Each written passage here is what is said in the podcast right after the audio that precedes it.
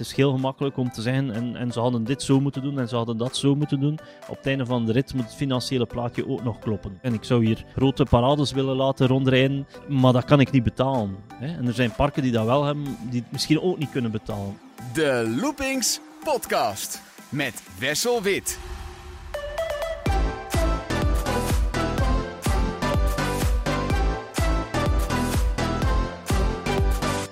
Van harte welkom bij de Loopings Podcast. Leuk dat je luistert. We zijn in Plopsaland de Pannen. En we spreken vandaag met Sebastien uh. En eh, jij bent Chief Commercial Officer bij de Plopsa Group. En uh, dan kan ik eigenlijk gewoon zeggen commercieel directeur volgens mij.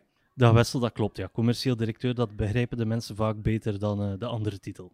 En dat is van de Plopsa Group, dus niet alleen van Plopsa Land de Pannen. Daar gaan we zo over praten wat dat dan allemaal inhoudt. Mm -hmm. uh, maar uh, allereerst, hoe ben jij bij Plopsa terechtgekomen? Ik heb wel wat functies gehad binnen, binnen Plopsa. Ik, ik, ben hier al een tijdje en um, voor Plopsa had ik een eigen creatief bureau waar wij ons op focusten op, op video en digitale marketing. Um, ik kan niet zeggen dat ik een, een pionier ben, maar ik denk wel dat wij met content marketing bezig waren toen dat we nog niet eens wisten dat het bestond. Wij hadden al snel door dat we met Facebook uh, andere dingen konden doen dan enkel en alleen uh, vriendenprofielen. Hè. Er waren nog geen pagina's, maar wij hadden toen wel al door van oké, okay, je kan wel als bedrijf met je klanten in contact komen en een connectie gaan maken en ze eigenlijk dagelijks updaten over je producten. Um, vooral voor kleine bedrijven was dat interessant. Dus wij moesten toen uh, heel creatief gaan nadenken over profielnamen. Want er bestonden geen pagina's, dus je nee, had alleen maar ja, persoonlijke klopt. pagina's. En ja. dan moest jij als een bedrijf voilà, een, een, voornaam, een voornaam en een familienaam gaan uitvinden eigenlijk. Hè, om de mensen toch de, te doen weten wie je bent. Um, was heel tof. Uh, en wij focusten ook op, uh, op video. Um, wij, er was nog, toen wij begonnen met het bedrijf was er nog geen uh, YouTube. Het duurde toen denk ik drie uur om een videootje online te krijgen. En het slikte toen databreedte. je moest toen echt heel veel centjes betalen om een video 10.000 keer te kunnen laten bekijken online. Um, maar dat was heel boeiend. Wel, welke jaartal hebben we over? Tussen 2003 en 2010. En toen ben jij doorgegaan naar Plopsa, vanwege Klopt, ja. vacature misschien? Ja, er was een vacature en mijn toenmalige vriendin, die, die was net afgestudeerd, die was werk aan het zoeken, die kwam die vacature tegen en die stond erop, um, want zij wou dat ik 9 to 5 ging gaan werken. Dat was een uh, voorwaarde om uh, de relatie uh, lopende te houden. Um, en die stond erop dat ik 9 to 5 ging gaan werken. Die kwam af met die vacature en die zei, je moet solliciteren. En ik heb gesolliciteerd, eigenlijk om eerlijk te zijn, toen een klein beetje tegen mijn zin. Um, maar ik kwam uh, na twee gesprekken bij Steve uh, terecht. Um, en dat was, een, dat was meteen een klik. Die zei, die zei tegen mij van, uh, na anderhalve minuut, zei die van, ik zie dat jij hier past. En dat is eigenlijk zo geweest en zo gebleken. En voilà, dertien jaar later zitten we hier nog. En wat voor functie was dat toen je begon bij Plopsa? Uh, zij, zij, zochten toen iemand. Plopsa had uh, totaal zelf geen digitale strategie, deed ook niks online. Uh, er werden nieuwsbrieven gestuurd, maar dat gebeurde via Studio 100. Dat was ook het enige. En er was een, een zeer beperkte website. en ze zochten iemand om zo wat, zo, zo werd het uitgelegd, om zo wat digital te doen. Maar omdat dat niet genoeg uren waren, werd dat gecombineerd met de job van ontwerper. Dus ik was eigenlijk zowel ontwerper als ja, di digital medewerker, ik zal het zo noemen. En ontwerper, dan moet ik niet denken aan nieuwe achtbanen, maar dat is dan nee, interne echt, ja, communicatie. Uh, visuals en uh, zo van die zaken, folders. En in de loop der jaren dus uitgegroeid tot ja, ja eigenlijk is dat redelijk snel geweest. Ehm, ik denk na een zestal maanden ja, af en toe is zo eens uh, van, ah, ik heb dat idee of ik zou dat op die manier doen. En uh, Steve was wel altijd iemand die daar naartoe luisterde en die zei van, ja, laat die gast die daar in het hoekje zit en laat die daar ook maar eens iets zeggen. En, uh, en zo is dat eigenlijk beginnen lopen. En ja, denk op, op het juiste moment op de, op de juiste kanalen gespeeld, daar goede resultaten haalt. en zo doorgegroeid binnen het bedrijf naar een eigen digital marketing afdeling op een bepaald moment werd die, met die, werd die kloof met de normale marketingafdeling werd die heel klein, uh, met de klassieke marketingafdeling. En toen werd er eigenlijk aan mij gevraagd van, ja, zie je het zitten om de functie van marketingdirecteur op jou te nemen? Hebben die twee teams laten samensmelten. En dan daarna uh, zijn daar sales uh, bijgekomen, omdat er ook altijd maar meer digital en content-wise moest gekeken worden. Um, en zo zitten we vandaag in de functie dat we vandaag zitten. Dus uh, het zijn eigenlijk verschillende afdelingen die samengesmolten zijn tot één grote afdeling. Als ik het goed begrijp, had jij voordat jij bij Plopsa solliciteerde, een beetje tegen je zin in, ook niet echt een hele grote connectie met die pretparkwereld, of wel? Eigenlijk wel. Um, een beetje het clichéverhaal. Ik was, ik was het type kind dat, uh, dat op, de, op de oude onderkast um, pretparken zat, uh, zat te bouwen. Um, ik, ik weet dat mijn broer en ik, wij hadden een fantasiewereld waarin dat we grote mediamagnaten waren. uh, en, waarin dat we, en waarin dat we onze eigen pretparken hadden. Um, en dat is heel vreemd, want toen, toen bestond Plopsaland nog niet. En we hadden zo thuis van die Viewmasters. Ik weet niet als je weet wat ik wil zijn. Zo, de, ja, ik ken ze. Ik weet niet of alle luisteraars ze kennen. het is zo'n zo de rode bril. Met, en dan moest je daar op duwen en dan zag je zo precies diatjes. Hè, eh, een soort verrekijker waar dat je diatjes door uh, kon zien. Um, en ik had die alleen maar van de grote Amerikaanse pretparken. En voor mij was dat een ver van mijn bedshow. Ik dacht, ik, dacht dat ik dat nooit ging zien. wij hadden, uh, ik denk, uh, mijn ouders waren geen sukkelaars, maar we hadden ook de middelen niet, denk ik, om grote reizen naar Amerika of zo te maken. Was in die tijd ook nog helemaal anders of vandaag. Um, dus ik dacht nooit dat ik zo van die grote pretparken ging zien. Maar ik bouwde thuis ja, immens, immens pretpark. En uh, ik vroeg daar entree voor, gewoon om naartoe te komen kijken. Um, dus dat commerciële zat er ook al in. Maar het was zo echt ja, een, een, een auto uit elkaar halen en de motor van die auto uh, gebruiken om dan een Lego-platform op te bouwen. Om dan toch een attractie dat ik zelf bedacht had uh, zo te gaan bouwen. Dat vond ik eigenlijk wel kei leuk. Dus ik heb wel altijd um, het gevoel had dat ik iets met pretpark moest doen. En dan hier natuurlijk wel Bobbejaanland, uh, uh, Meliepark, Bellewaarde, um, de parken dan over de grens in Frankrijk, uh, Efteling, toch wel vaak bezocht ja, als, als kind en als tiener. Oké, de, de pretparkfanaat zat al wel in jou, ook voor jouw sollicitatie. Zeker. Ehm, nu ben je dus commercieel directeur bij de Plopsa Group. Plopsaland kennen we allemaal, maar wat voor parken, voor de mensen die dat niet weten, horen daar nu allemaal bij vandaag de dag? Ja, we zijn groot geworden. Hè. Toen ik hier uh, startte, uh, eh, 13 jaar geleden, hadden we drie parken in België. Uh, de Panneco en Hasselt. Um, vandaag zijn er in België nog uh, twee waterparken bijgekomen en, en Plopsa Station uh, bijgekomen. Um, dus het gaat, het gaat keihard. Uh, Plopsa in der Koevoorn in Nederland. We hebben Holiday Park in Duitsland overgenomen en dan toch uitgebouwd en getransformeerd naar een echt Plopsa-park. En dan hebben we twee pretparken in Polen geopend. Um, het recentste nog in, in mei dit jaar. Dus we zijn echt groot geworden, ja. En het einde is nog niet in zicht, want ik weet dat er plannen zijn voor nog veel meer Plopsa waterparken, Plopsa parken in, de hele, in heel Europa eigenlijk. Ja, klopt. Het gaat heel hard. En, en als je ziet wat er in Polen allemaal nog mogelijk is, dan verwacht ik dat we daar nog gaan groeien. En als je dan kijkt in de landen daarnaast en daaromheen, um, waar heel weinig pretparken zijn, um, waar, waar dat allemaal nog in een beginfase zit, dan denk ik dat er nog heel veel mogelijkheden zijn. Ja. Wie weet zitten wij hier over vijf jaar te praten over Plopsa Kroatië of Plopsa Roemenië. Dat zou mogelijk kunnen zijn. Um, jij doet dus de marketing, tenminste je bent eindverantwoordelijk voor de marketing van uh, Plopsa Park in heel veel verschillende landen. Mm -hmm. um, ik kan me voorstellen dat dat ook vraagt om verschillende marketingstrategieën. Uh, Want een Nederlander spreek je anders aan dan een Duitser of een Belg. Is dat voor jou, is dat nou het lastigste aan jouw werk, dat je daar zo, zoveel verschillen in moet toepassen? Ja, ik zie dat eigenlijk. Ik, ik heb dat altijd gezien als het boeiendste. Hè. Toen, we, toen we naar Polen gingen en toen ik hoorde van ja, het is wel de bedoeling dat wij in Polen zelf ook de campagnes en de marketing en de strategie gaan bedenken, dan dacht ik altijd, um, oei, wat vragen ze mij nu? En het is een nieuw land en we kennen dat niet. Maar tegelijkertijd vond ik het zo'n uitdaging op dat moment in mijn loopbaan, zo'n uitdaging om dit te mogen doen en zo'n eer om dit te mogen doen en om daar een compleet nieuw land te leren kennen en compleet nieuwe mogelijkheden te ontdekken. Maar ik moet wel zeggen, ik heb wel de verschillen tussen de verschillende landen um, de voorbije jaren eruit zien gaan. Ik bedoel daarmee, um, als je in 2015, 2016 echt heel goede resultaten haalde met Facebook in, uh, in België en Nederland, dan was dat in Duitsland niet zo. Maar intussen is dat ook zo. En is misschien zelfs nog harder dan in België en in uh, Nederland.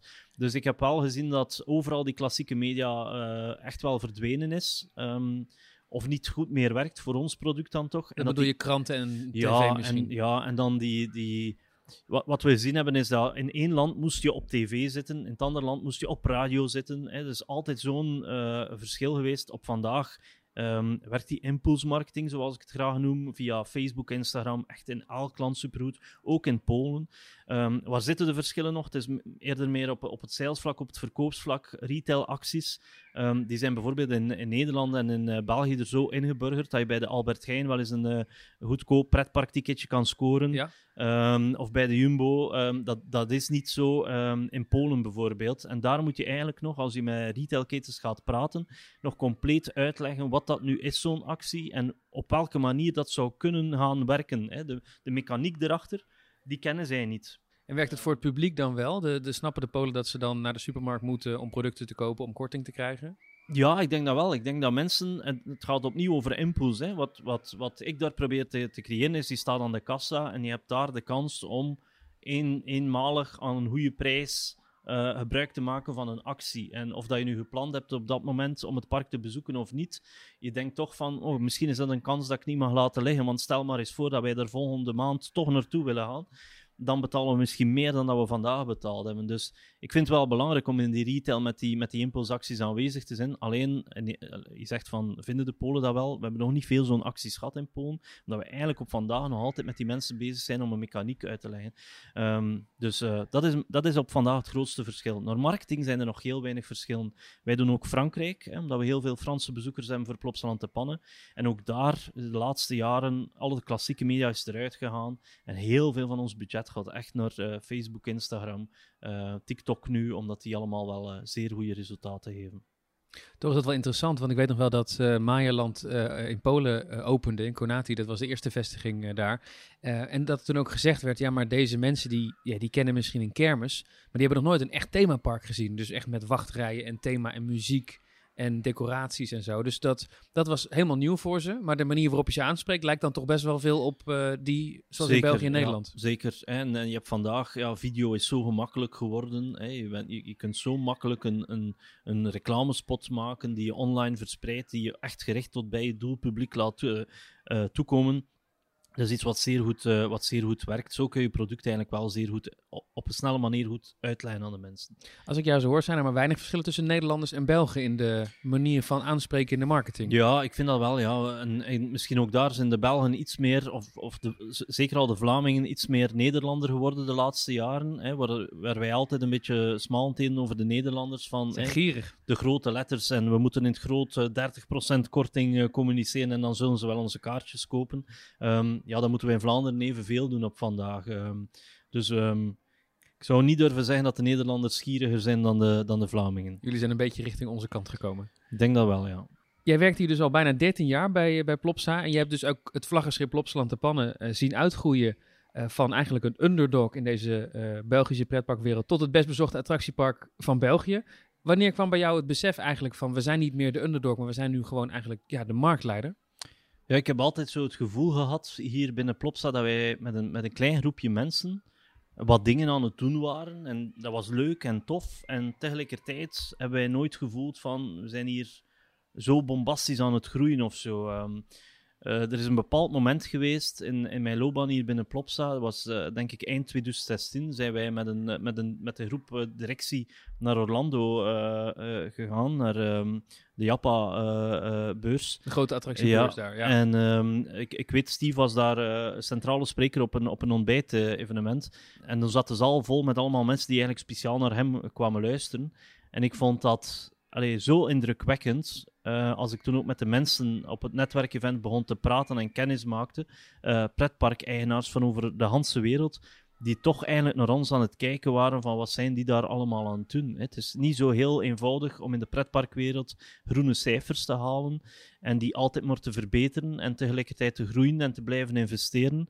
En hier was dat wel zo. En eigenlijk is dat op, dat moment geweest dat ik dat echt goed begon te beseffen van hoe groot wij aan het uh, worden waren vanaf dat moment is er bij mij een soort omschakeling gebeurd en heb ik wel het besef van, amai, we zijn hier met iets bezig en we zijn hier aan het groeien en we zijn hier parken aan het openen en we zijn de wereld aan het veroveren.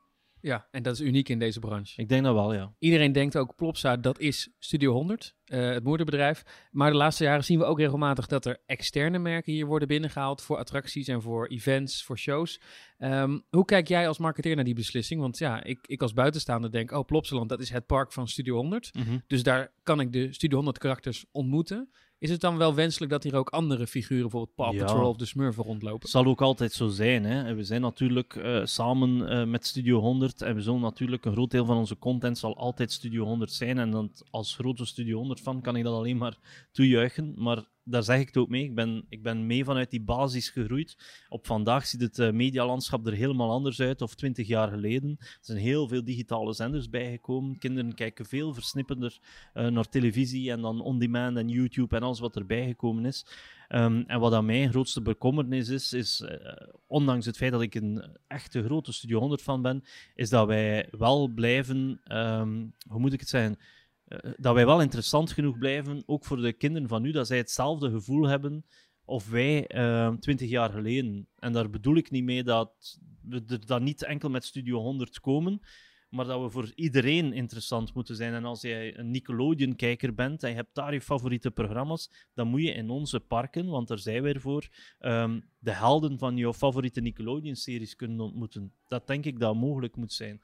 Ehm, als jij naar een eh, FC de Kampioenen kijkt, die een beetje een tweede succes beleven nu bij, bij kinderen in, uh, in Vlaanderen, ja, dan waarom zouden die kinderen dan hier die acteurs uh, van FC de Kampioen niet kunnen ontmoeten in, uh, in Plopsaland te Pannen? Wij zijn toch een beetje het, contentpark van alles wat op televisie zit.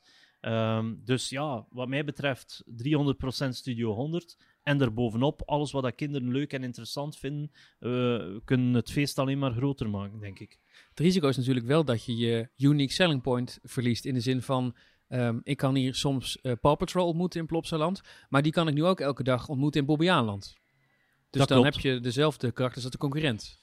Dat klopt, maar Bobby Aland ligt hier toch een aantal kilometers van. Uh, we, hebben in onze, we hebben in onze regio hier, allee, we hebben alles samen, hebben we denk ik een, een 150.000 abonnees. We hebben hier in de regio rond Plopsaland te Pannen zitten er al 40.000. Uh, ook voor die mensen is het ook leuk. Hè. Zij komen heel graag kijken naar K3. Zij komen heel graag kijken naar de zomershow met Samson en Marie. Maar zij komen even graag uh, in de winter eens naar een Paw Patrol show kijken.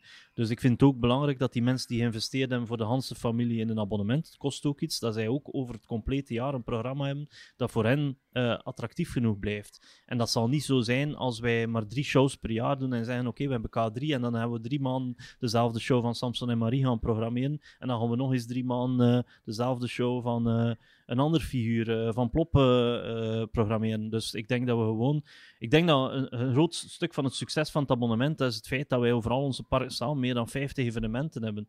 En dat moet ook zo blijven. En die evenementen die moeten ook gevoed worden met content. En uh, vandaar die, die verschillende samenwerking. Ja, het helpt in de variatie uh, Absoluut, in het programma. Ja. ja, we hebben het over kinderen en hoe je kinderen aanspreekt. Maar toch in de pannen wordt er ook steeds een oudere doelgroep aangesproken. Er kwam hier al een keer een Anubis-achtbaan die vrij heftig is. Toen kwam er nog een Heidi-achtbaan bij, die is ook vrij heftig.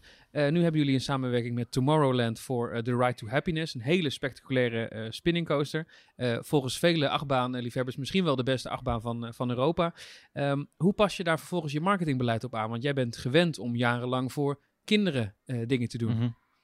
Ja, dat maakt het ook terug boeiend uh, en leuk. Hè? Uh, nu misschien even, het is ook de beste uh, achtbaan van Europa. We ah, ook even dat nog, staat genoteerd. nog even bevestigen. Ja, zo, zo houd je het ook boeiend voor, voor ons als marketeers, denk ik, om eens een andere doelgroep aan te spreken. Aan de andere kant, ik, ik lees ook wel commentaren en ik praat ook wel met mensen. En wat ik altijd iets vond, wat ik erg vond, dat was dat je hier een gezin tegenkwam dat je kende. En het oudste, kindje, het oudste kindje was niet mee, want het wou niet meer naar Plopsaland komen. Hè. 13 jaar, 14 jaar, 15 jaar. Um, soms zelfs al iets jonger.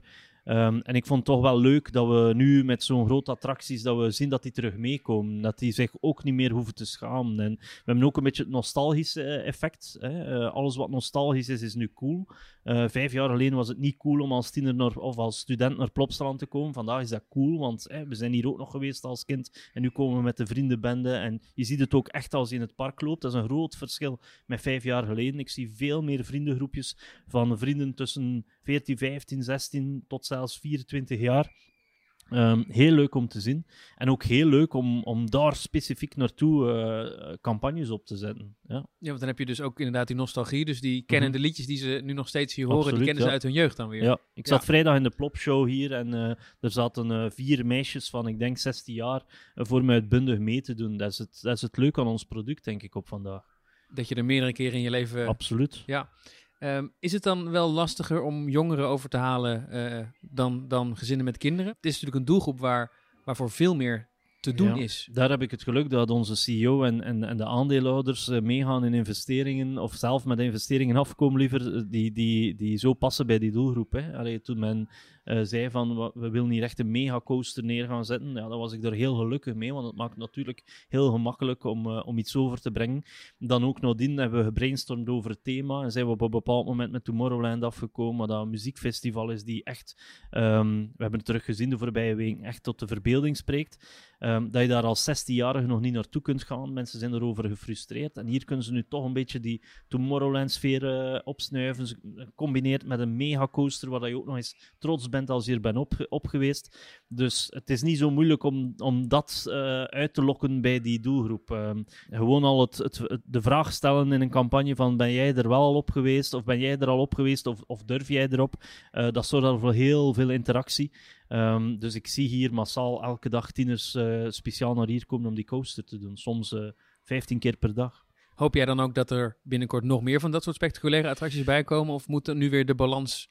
Ja, er komt maar volgend jaar een Boomba-gebied bij. Ja, dat vind ik goed. Hè. Ik vind iets voor de klein, iets voor de groot. En als we zo kunnen blijven verder gaan, dan zou dat heel leuk zijn. Ik weet dat dat ook een beetje de visie van, eh, van Steve is. Dus ik zou dat heel leuk vinden als we zo kunnen blijven verder gaan. Ja, ik vind dat we zeker ons, ons huidig doelpubliek, ons groot doelpubliek, de families met kinderen, we zien die graag. We zien die graag naar hier komen. Allee, het is zo tof om een product in de markt te zetten, dingen te bedenken, dingen te creëren, waardoor dat je families echt een fantastische dag ziet beleven. Maar daarnaast moeten we ook zorgen dat we nou ja, nog meer mensen, ook die, die oudere broers, die oudere zusjes, die vriendengroepjes die samen naar een pret, een pretpark willen gaan, dat we die hier ook nog, eh, nog zien komen. Dus eh, afwisselende investeringen voor groot en klein, dat zou ik heel leuk vinden. En dan praktisch is er nog wel genoeg ruimte voor nieuwe attracties hier in de pannen. Want dit is jullie grootste park. Maar op een gegeven moment zit je natuurlijk aan de randen van de grens. Klopt, ja, maar je zit ook met attracties die intussen al een tijdje meegaan, zones die eens moeten herzien worden. Dus je zult, er gaan ook weer jaren voorbij. Hè. We hebben al een aantal zones in een nieuw jasje gestoken. Ehm, en intussen zijn we weer vier, vijf jaar verder. En dan zie je, oké, ja, die zone, het is misschien op vandaag ook, met het aantal bezoekers dat dit park heeft, heeft dit misschien niet meer de juiste capaciteit. Misschien moeten we daar iets mee gaan doen. Dus er zijn wel nog een aantal plaatjes waar we aan denken om in de komende jaren wel iets anders mee te gaan doen, ja. We hebben het over Tomorrowland eh, gehad. Tomorrowland is hier een succes in de pannen. Eh, zelfs zo erg dat jullie hebben besloten om dat thema ook naar Duitsland te halen, naar jullie holidaypark daar. Ehm, maar daarvan is officieel nog niet bekend wat voor attractie daaraan gekoppeld gaat worden. Zou je het zien zitten om gewoon een kopie van jullie attractie hier, de Spinning Coaster Ride to Happiness, daar ook neer te zetten? Het mag een gelijkaardige attractie zijn, maar voor mij geen kopie. Ik zou het heel leuk vinden als de, de, de echte pretparkfans, die, die we nu zien hier vanuit Italië, vanuit Spanje komen, vanuit Duitsland, vanuit Engeland naar hier komen, dat die ook eens naar Holiday Park gaan, maar dat die ook nog graag naar hier blijven komen, omdat de achtbaan dan toch weer net iets anders is. Dus ehm, we weten op vandaag nog niet wat het zal zijn. Ehm, misschien verrassen we daar met iets compleet anders. Eh, misschien tegen de verwachtingen in. Eh, misschien doen we daar net hetzelfde. Ehm, de komende maanden zal dat duidelijk worden, maar een exacte kopie dat zou ik zelf niet eh, leuk vinden. Tomorrowland is dus wel een geschikt thema. Ik zou denken, ja, die Duitsers die weten helemaal niet wat dat is. Want het is een festival in België. Dus dat leeft helemaal niet in Duitsland. Maar kennelijk is dat toch wel ja, geschikt voor de eh, doelgroep. We hebben een trouwe jarenlange partner in Duitsland, dat is Big FM, dus een redelijk groot radiostation. En die zijn ook eh, partner van Tomorrowland. En die doen er ook eh, live uitzendingen over enzovoort. Het is misschien, misschien in Duitsland, omwille gewoon al van de doelgroep die veel groter is in Duitsland dan in België, nog veel populairder dan hier. Dus ik zou zeker het effect van Tomorrowland in Duitsland niet onderschatten. Hè. Kunnen we dan nog meer van Tomorrowland zien binnen de Plopsa groep in de komende jaren? De komende jaren zullen dat eh, uitwijzen. Wat mij betreft graag. Ja, Tomorrowland krijgt dus eh, ook een dependance in Duitsland. Maar Plopsaland staat sowieso, of Plopsa staat sowieso bekend om het uitwisselen eigenlijk van thema's en attracties. Eh, jullie hebben hier een eh, Wiki de Viking gebied. Dat gebied zien we ook in Holiday Park verschijnen. Dat zien we ook in Polen verschijnen. En zo zijn er meer attracties en themagebieden die eigenlijk uitwisselbaar zijn. Ehm, dat is natuurlijk een strategie. Is het voor jou dan als marketeer dan ook handig dat je die marketingcampagnes kunt blijven hergebruiken? Ja, ik- weet nog, toen we Wikiland hier bouwden, en je, je, moet, je moet al beginnen communiceren, je moet al eh, folders en zo in druk gaan steken, maar het staat er nog niet en dan moet je echt heel eh, geknutselde, gekunstelde beelden bij elkaar gaan eh, steken om daar toch iets rond te communiceren. Op vandaag is het heel gemakkelijker dat je, terwijl je nog aan het bouwen bent in, in Polen, dat je al een fotoshoot in België kunt organiseren. ehm, En dat je eigenlijk al je visual klaar hebt eh, om in Polen eh, te verspreiden. Dat is heel leuk. Wat ik daar nog over wil zeggen is, ja, je, je, evalueert iets en als iets goed werkt en mensen vinden het leuk en een mooie zone en het thema klopt en het verhaal klopt, waarom zou je het dan niet naar de andere landen uh, overbrengen? Dat is wat we bijvoorbeeld met Wikiland hebben gedaan, wat ik persoonlijk wel echt een zeer mooi themagebied vind. Ja, fans zullen zeggen, hey, dit ken ik al. Maar goed, dat wordt natuurlijk niet gebouwd voor de fans die alle parken bezoeken. Dat wordt gebouwd voor de mensen die daar weer wonen. Klopt, ja. Um, België heeft nu al een heleboel Plopsa-parken en Plopsa-waterparken. Uh, er zijn plannen voor nog meer Plopsa-waterparken, die komen eraan.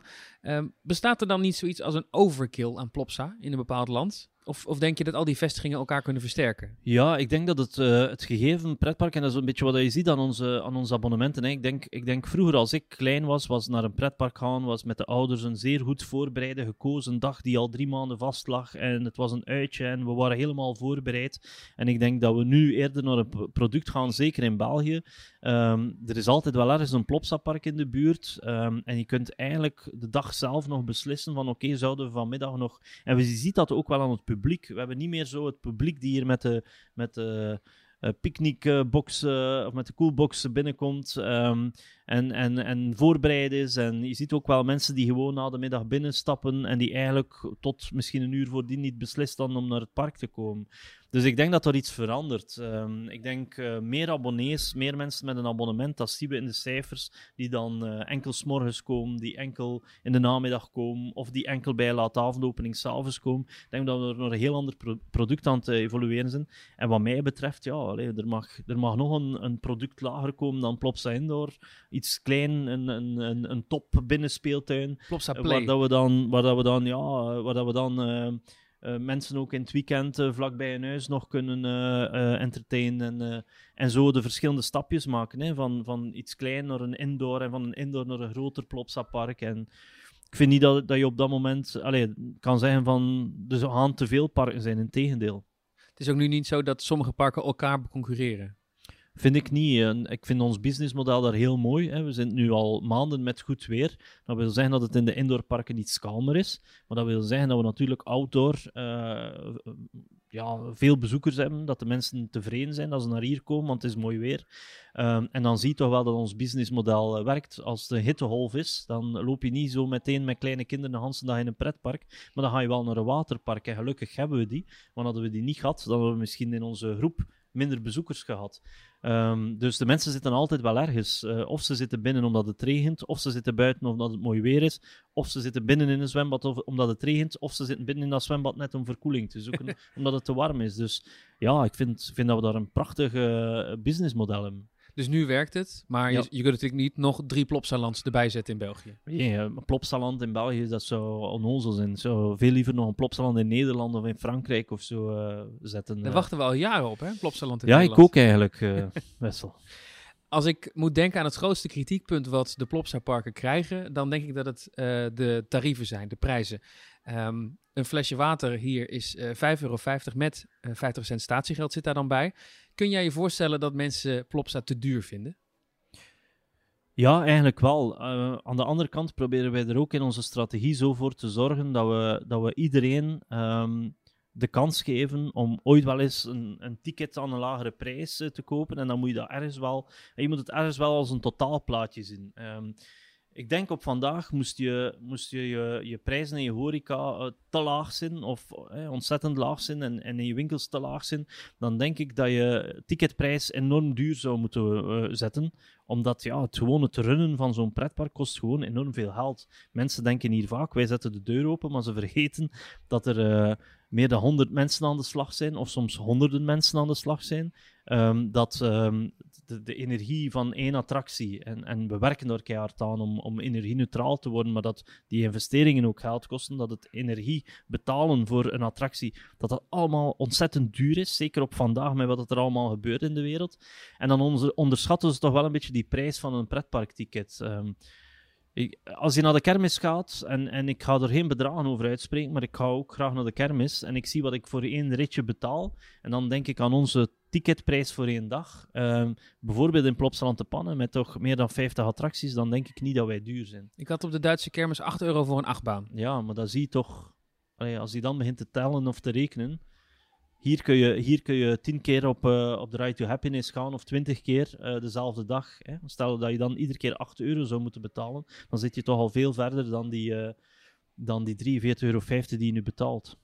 Begrijp ik jou goed dat je liever de horecaprijzen wat hoger hebt, zodat de ticketprijzen wat relatief ja. lager kunnen blijven? Ik denk dat het een gezonde mix is. Hè. Ik denk, denk op het einde van, van de rit moeten wij zorgen dat we alle kosten kunnen dekken.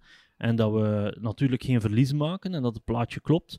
Uh, en dat moet je doen door een evenwicht te zoeken in horecaprijzen, ticketprijs uh, enzovoort enzovoort. Commerciële strategie. Uh, wanneer geef ik korting, wanneer niet. Um, dat is een heel moeilijke oefening. Um, en vergelijk jij dan die prijzen die jullie hanteren ook met andere parken of met andere sectoren? Zeker. Hey, wat ik persoonlijk, er is een paar keer, je hebt er ook iets over geschreven, hey, over het flesje water. Um, natuurlijk, je neemt dan hè, het halve liter flesje water, je vergelijkt al niet met het kleine flesje water, die we vandaag ook nog altijd hebben. Um, maar als ik hier, ik woon hier ook aan de kust, um, als ik hier in mijn dorp of op de zeedijk of ergens iets ga drinken, dan betaal ik voor een, flesje Spa Blauw 20 centiliter, betaal ik al snel 3 euro. Um, er is bijna nergens een plaats waar ik nog minder dan 3 euro betaal. Dus als ik dan uitreken op welke prijs per liter ik kom en ik vergelijk dat met onze prijzen, dan zijn wij niet belachelijk duur. Uh, en ik snap dat dat in de perceptie wel zo is bij de mensen. Uh, en dat je misschien op café daar minder snel bij stilstaat. Maar dat is wel de realiteit. Wij zijn met onze parken x aantal dagen open per jaar. Wij moeten het hebben van mooi weer. Wij moeten het hebben van schoolvakanties. Um, en op die momenten moet je gewoon zorgen dat de inkomsten er zijn. En als mensen um, vinden dat wij te duur zijn, ja, dan moeten ze ook ergens begrijpen dat zonder die inkomsten wij het product niet kunnen bieden die we vandaag bieden. En als mensen zeggen dat het te duur is, uh, de parken zitten hier op een mooie zomerse dag nog steeds helemaal vol. Dus kennelijk is het niet te duur, want dan zou niemand meer komen natuurlijk. Klopt, en ergens, we zijn een luxe product. En wat ik vooral zie bij, bij de mensen en bij onze doelgroep is dat als zij naar hier komen, hè, dan willen zij gewoon al die zorgen niet. Ze hebben daarvoor gespaard, ze hebben dat meegerekend in hun vakantiebudget. Uh, ze komen hier toe en dan willen ze ook wel eens genieten. Dan willen ze een ijsje eten, dan willen ze iets drinken, dan willen ze iets eten. Um, we steken ook echt heel veel energie in alles wat eten en drinken is. En ik denk dat het ook mag gezegd worden. En, en we, we, laten al onze gerechten nakijken door een topkok. Um, uh, we kiezen onze producten zelf samen met hem. Uh, welk vlees, welke kaas op de hamburger. Uh, er wordt zo hard aan gewerkt. En ook daar, hè, je kunt je menus twee keer zo duur maken. Maar je probeert ergens, overal, een soort van ja, mediaan te creëren. Tickets, menuprijzen uh, drankprijzen, zodanig dat op het einde van de rit het plaatje klopt, uh, zonder dat je alles moet gaan verdubbelen of verdriedubbelen in prijs. Laatst over de prijzen. Kijk jij wel eens als jij in de Efteling bent jaloers of verbaasd naar die prijslijsten daar? Want de horecaprijzen van de Efteling liggen vele malen lager. Maar dat is misschien ook in jouw ogen ongezond laag voor een bedrijf. Ja, ik kan de rekening van een ander park niet maken. Hè. Ik, ken, ik ken parken waar je inderdaad voor, uh, voor anderhalve euro nog een uh, blikje cola uit een automaat haalt dat kan, maar ik ken op het einde van de rit de cijfers van die parken niet. Ik kan alleen voor ons spreken en zeggen: wij willen graag blijven investeren. Wij onderhouden onze parken zeer sterk. Dat is iets wat ik niet in elk park zie. Alles wordt hier geschilderd, elk beeldje wordt van zijn voetstuk gehaald in de winter, krijgt een nieuw laagje verf. Maar het kost ook allemaal geld om het zo mooi te houden. En ons publiek verdient dat, maar het kost ook allemaal geld. Iets vrolijkers. De coronaregels zijn opgeheven. Dus we mogen weer alles en we kunnen weer alles. Uh, er worden ook weer volop events georganiseerd in jullie parken. Halloween komt eraan. Dat is ook iets voor een oudere doelgroep. Dat is zo gegroeid. Jullie zijn volgens mij ooit begonnen met Halloween echt voor kleine kinderen. Tegenwoordig zie ik hier ook uh, spookhuizen, uh, eh, 16 plus bijvoorbeeld. Zou dat evenement Halloween de komende jaren nog verder kunnen groeien voor die doelgroep? Of zeg je van, nou ja, die oudere doelgroep, dat laten we gewoon over aan Walibi Belgium, Bobbejaanland. Wij, wij focussen vooral op de kinder Halloween nog. Voor mij is het terug een beetje hetzelfde verhaal of wat ik net vertelde met de attractie. Ik zou graag hebben als uh, kinderen naar hier komen met hun ouders voor Halloween te vieren, dat het broertje of zusje uh, die iets ouder is ook kan meekomen en ook een, een, spanning heeft en, en ook wel dat typische Halloween gevoel heeft. En dat die vriendengroepen die naar hier komen, dat die ook ergens, uh, dat die niet alleen naar een Boomba show moeten staan kijken, maar dat die ook wel iets hebben die voor hen interessant is. Dus het is een oefening die wij, die wij aan het maken zijn. We hebben, uh, we hebben eigenlijk gezegd van, oké, we willen wel testen met eh, zeer angstaanjagende dingen te gaan doen op bepaalde avonden, vier avonden. Je kunt er geen supergrote investeringen voor doen, voor vier, vijf avonden per, jaar. We willen dat wel eens testen. We hadden niet verwacht, uh, moet ik eerlijk zijn, vorig jaar, dat we elk van die avonden volledig gingen uitverkocht zijn. Hè. We zaten toen nog met een beperkte capaciteit, die gelukkig, gezien de cijfers op dat moment, wel hoog genoeg was. Maar we hadden elke avond 10.000 mensen. Dat is wel extreem. Um, dus dat hadden we niet verwacht. En misschien uh, hadden we er ook, allee, we hadden ook geen risico's genomen. Hè. Het jaar voordien waren we week voor Halloween moeten sluiten. En hebben we alle decoratie en alles wat opgebouwd was terug moeten afbreken. En waren alle kosten voor niks. Ik wou dat vorig jaar dat risico niet nemen. Dus ik heb hier en daar ook bij jullie wel de kritiek gelezen van en trok op niets. En, en, uh, maar dat was ook terug ja, een, een groep mensen die echt elk park afschuimt en daar gaat vergelijken dat was niet die mensen die hier in de buurt wonen, die misschien niet naar elk park gaan en die gewoon naar Plopsaland kwamen en één keer in zo'n spookhuis wilden lopen. Dus die waren er eigenlijk wel tevreden uh, over. We hadden eigenlijk echt goede tevredenheid, scores de enquêtes uh, op die avonden. Maar we hadden nooit verwacht dat het zo druk zou zijn. Dus kijken we daar nu anders aan naar? Ja. Gaan we die formule een klein beetje aanpassen? Ja. Um, maar we willen ook wel nog altijd die oudere doelgroep aanspreken op die avonden. En liefst samen met de rest van de familie. En voor elk wat wils. Jullie zijn volgens mij het enige grote park in Europa waar de spookhuizen nog uh, bij de in entreeprijs inbegrepen zitten. Elk ander park dat ik ken vraagt daar een bedrag voor. Dat heeft twee voordelen. Uh, de wachtrij is niet zo lang, want je kunt de capaciteit managen per tijdslot. En de kwaliteit van de spookhuizen wordt beter, want uh, mensen betalen er extra voor. Dus jullie mm -hmm. hebben daar meer inkomsten voor. Gaan jullie dit jaar dat doen? Heeft natuurlijk wat te maken met de formule zoals ik het je net uitlegde. Hè. Je bent samen hier in gezin en dan wil één iemand samen met de vader of de moeder wel eens even, ah, zouden we niet eens in dat, uh, in dat spookhuis gaan? Je hebt dat niet gereserveerd. Hè. Ik wil daar ook geen gedoe rond. Um, ik vind het leuk dat je op dat moment zelf kan beslissen wat je doet en dat je dan niet meer opnieuw je portemonnee moet uh, bovenhalen. Zal dat in de toekomst altijd zo zijn? Dat kan ik zeker vandaag niet zeggen. Zal dit jaar uh, zo zijn? nee, dit jaar zal het nog altijd gratis zijn. Um, en gaan we nog altijd zorgen dat ja, iedereen hier, uh, dat je op het, met de ene broertje naar een, een toffe heksenshow kunt gaan kijken en dat je met andere, iets oudere kindjes samen met de vader uh, in een spookhuis binnen kan, zonder dat je nog eens extra moet gaan betalen op dat ticket. Uh, van, van, dit jaar zal dat nog zeker zo zijn. Dus voor elk wat wils. En ja. nog niet direct de concurrentie aangaan met de parken die echt. Dat is ook nooit de bedoeling geweest. Dat is echt ook nooit de bedoeling geweest. Als, als, pretparkfans denken we gaan naar Plopsaland te pannen, enkel en alleen om dat te doen. Um, ja, nee, allee, daar, daar, ik, ben, ik vind wat de andere parken doen daar heel mooi en heel tof. En die investeren er heel veel centjes in. Um, wij hebben heel veel. Voor hen is dat ook het sluitstuk. Hè. Zij zijn ook niet meer open daarna. Wij, een week later zijn wij Winter Magic aan het doen. Hebben wij een volledig winterpark. Voor ons is dit een, een deel van de evenementenstrategie die ik daarnet heb uitgelegd. Dus ja, ik, ik denk niet dat het de bedoeling is om echt zo groot te gaan concurreren met die, met die andere parken. Nee. Over uh, commentaar van fans uh, gesproken. Lees jij veel commentaar van die pretparkfanaten op social media? Ja? ja. Als mensen Plopsa mentionen ergens met ik was ontevreden, dan ja, zit het bij dan jou... weet ik het wel, ja. Ja, en hoe kijk jij daarnaar? Zijn dat, zijn dat bruikbare tips voor jou vaak? Ja, er wordt altijd gesproken over fans, maar wat zijn fans? Hè? Uh, je hebt fans, dat zijn pretparkkenners, ik zal het zo noemen, die echt wel kijken en hier komen voor de attracties en, en, en heel veel vergelijken en, en doen. En die er op de loop der jaren ook wel met alle respect en kennis hebben over opgebouwd wat vind ik daar soms jammer aan, is dat niet ieder van, van, van hen uh, stilstaat bij het budgettaire. Hè. Het is heel gemakkelijk om te zeggen, en, en ze hadden dit zo moeten doen en ze hadden dat zo moeten doen. Op het einde van de rit moet het financiële plaatje ook nog kloppen. Meer wil ik daar niet over zijn. Ik zou hier grote parades willen laten rondrijden, uh, die er fantastisch uitzien. Ik zou dat ook graag hebben. Maar dat kan ik niet betalen. Hè? En er zijn parken die dat wel hebben, die het misschien ook niet kunnen betalen. Maar dat weet ik niet, omdat, we, omdat ik hun cijfers niet kan zien. Dus ik wil niet. Ik, ik vind wel als we, als we van pretpark van spreken en, en er, moet, er, komt kritiek, dat het ook wel moet bekeken worden in een breed verhaal van operationaliteit, uh, uh, mensen ervoor kunnen inzetten, budget ervoor kunnen vrijmaken. Want je hebt het dan net over de prijs. Ja, als je bepaalde dingen wil, dan moet je er ook wel tegen kunnen dat er bij die ticketprijs terug iets uh, omhoog zal gaan. Dus... En dan gaan deze mensen ook weer klagen. En natuurlijk. dan zijn dat dezelfde mensen die zeggen dat onze parken te duur zijn. Dus snap je, het is, het is, het is een, een visieuze cirkel. Maar dan allee, een andere groep fans, die voor mij nog veel groter is, ehm, dat zijn de families met kinderen die echt van onze parken houden en die die ook proberen allemaal te bezoeken. En dat zijn onze 150.000 abonnees, toch 150.000 mensen die door dat abonnement te kopen tonen dat ze vertrouwen hebben in jou en je product en wat, wat je aan het doen bent.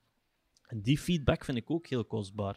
Dus ik lees eigenlijk beide. En met een pretpark van durf ik al eens sneller in, in gesprek gaan. Uh, als ik iets in een video zie.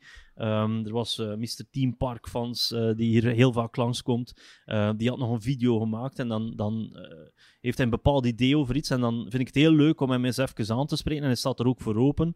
en uit te leggen waarom iets zo is. En als hij iets uitlegt, dan zijn de mensen vaak ook beter mee met wat het verhaal erachter is. Dus ik ga soms wel graag eens in discussie ja, met de pretparkfans. Als ik vind dat er iets rechtgezet moet worden of niet correct is. Niet altijd. En dan heb je de andere fans, onze families met kinderen. En ik vind het vooral belangrijk dat zij een heel toffe dag hebben. En dat het product wat wij verkopen, dat dat ook hetgene is wat ze hier krijgen. Of of voelen dat ze krijgen in onze parken. En als er daar feedback komt en we kunnen dat oplossen, vind ik ook dat we dat moeten oplossen. Ja. Dat is toch de visie van het Hanse bedrijf, denk ik. Kun jij je nog herinneren wanneer je voor het laatst een, uh, een fan uh, uit een van beide categorieën iets kritisch hoorde zeggen waarvan je dacht, ja, maar daar zit wel wat in. Dat is een goed punt, daar kunnen we misschien wel wat mee? bijna elke week. Ja, ik kan geen concreet voorbeeld geven, maar ik weet wel dat ik, ik, vaak s'avonds in bed, als mijn vrouw al slaapt, uh, nog op de, op de iPad naar, uh, naar die, die vlogs en, en, en verslagjes en, en stories te kijken. En soms komt er wel eens iets in waar ik een uh, screenshotje van neem, doorstuur naar de mensen binnen mijn afdeling bijvoorbeeld en zeg van ja, eigenlijk heeft hij wel een punt. Waarom hebben we dat niet zo gedaan of waarom hebben we dat niet goed gecommuniceerd? Ik denk dat je elke dag nog van iedereen kan bijleren ik vind het heel fijn als mensen dat op een opbouwende manier uh, met elkaar uh, uh, kunnen, kunnen uitleggen. Ik, ik zag hier vandaag bijvoorbeeld ehm, de, de fans van Samson en Hert die een petitie waren gestart, omdat er te weinig Samson en Hert in het park was.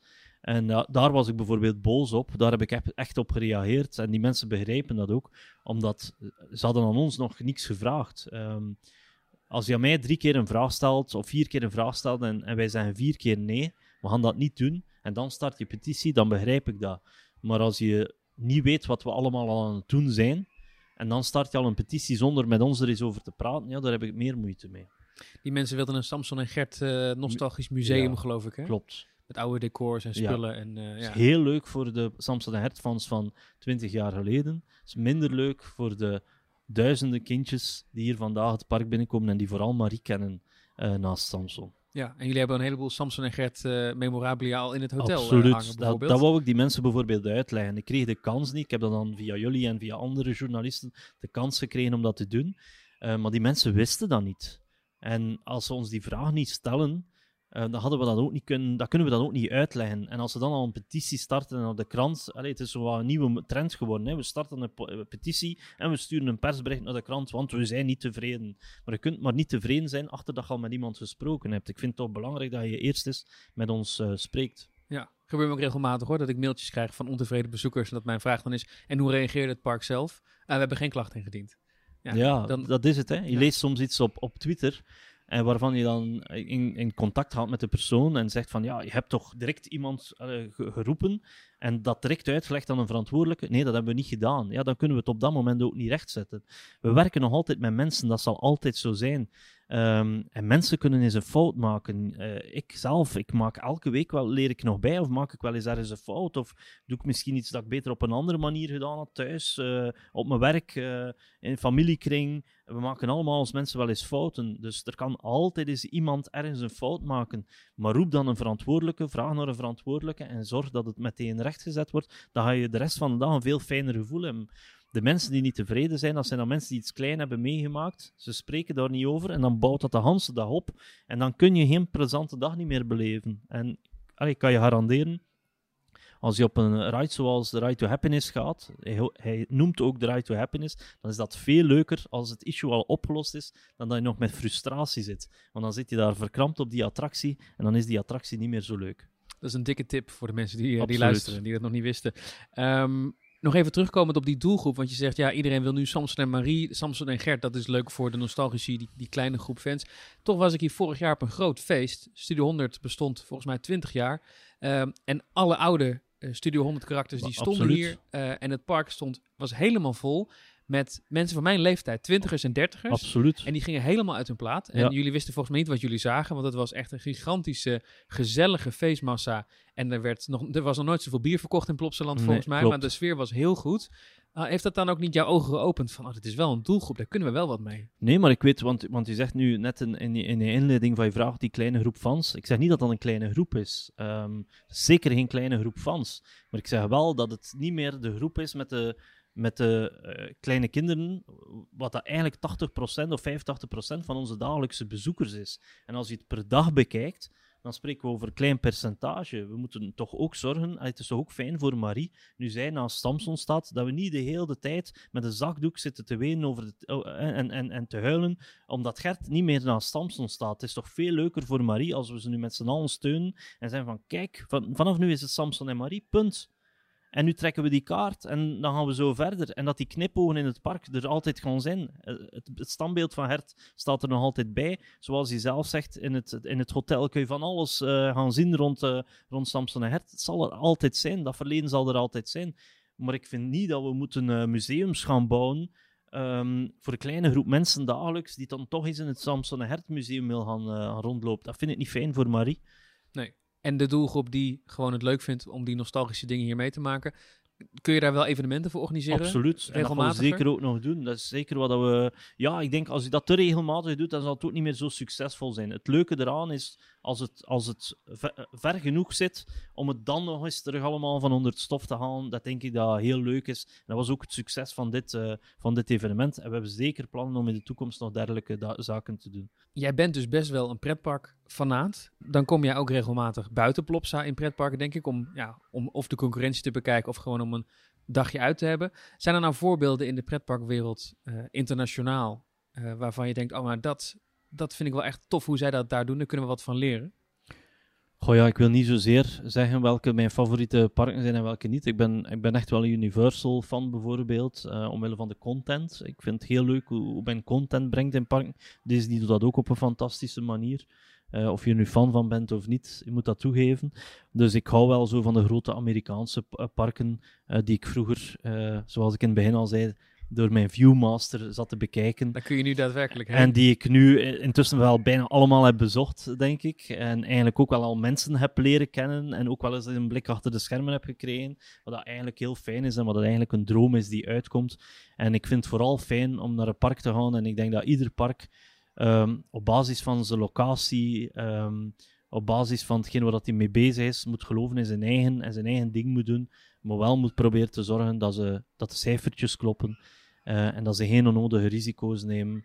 Eh, want dat zorgt ervoor dat ze al hun mensen eh, kunnen blijven betalen en dat iedereen gelukkig blijft. En dat is het belangrijkste. En dan, zijn er, dan is het lastig voor jou om een attractie te noemen die ergens staat waarvan je zegt, oh, die zou ik wel graag in Plopsaland binnen willen halen. Maar dan zitten we hier nog een uur of twee, denk ik. Eh, ik ja, ken jouw over verlanglijst de- is lang. Ja, ik ken ik, ik, ook terug. Ik hou enorm van die, die echte content-attracties, waarvan ik misschien vind dat we er in de Plopsa-parken misschien iets te weinig hebben.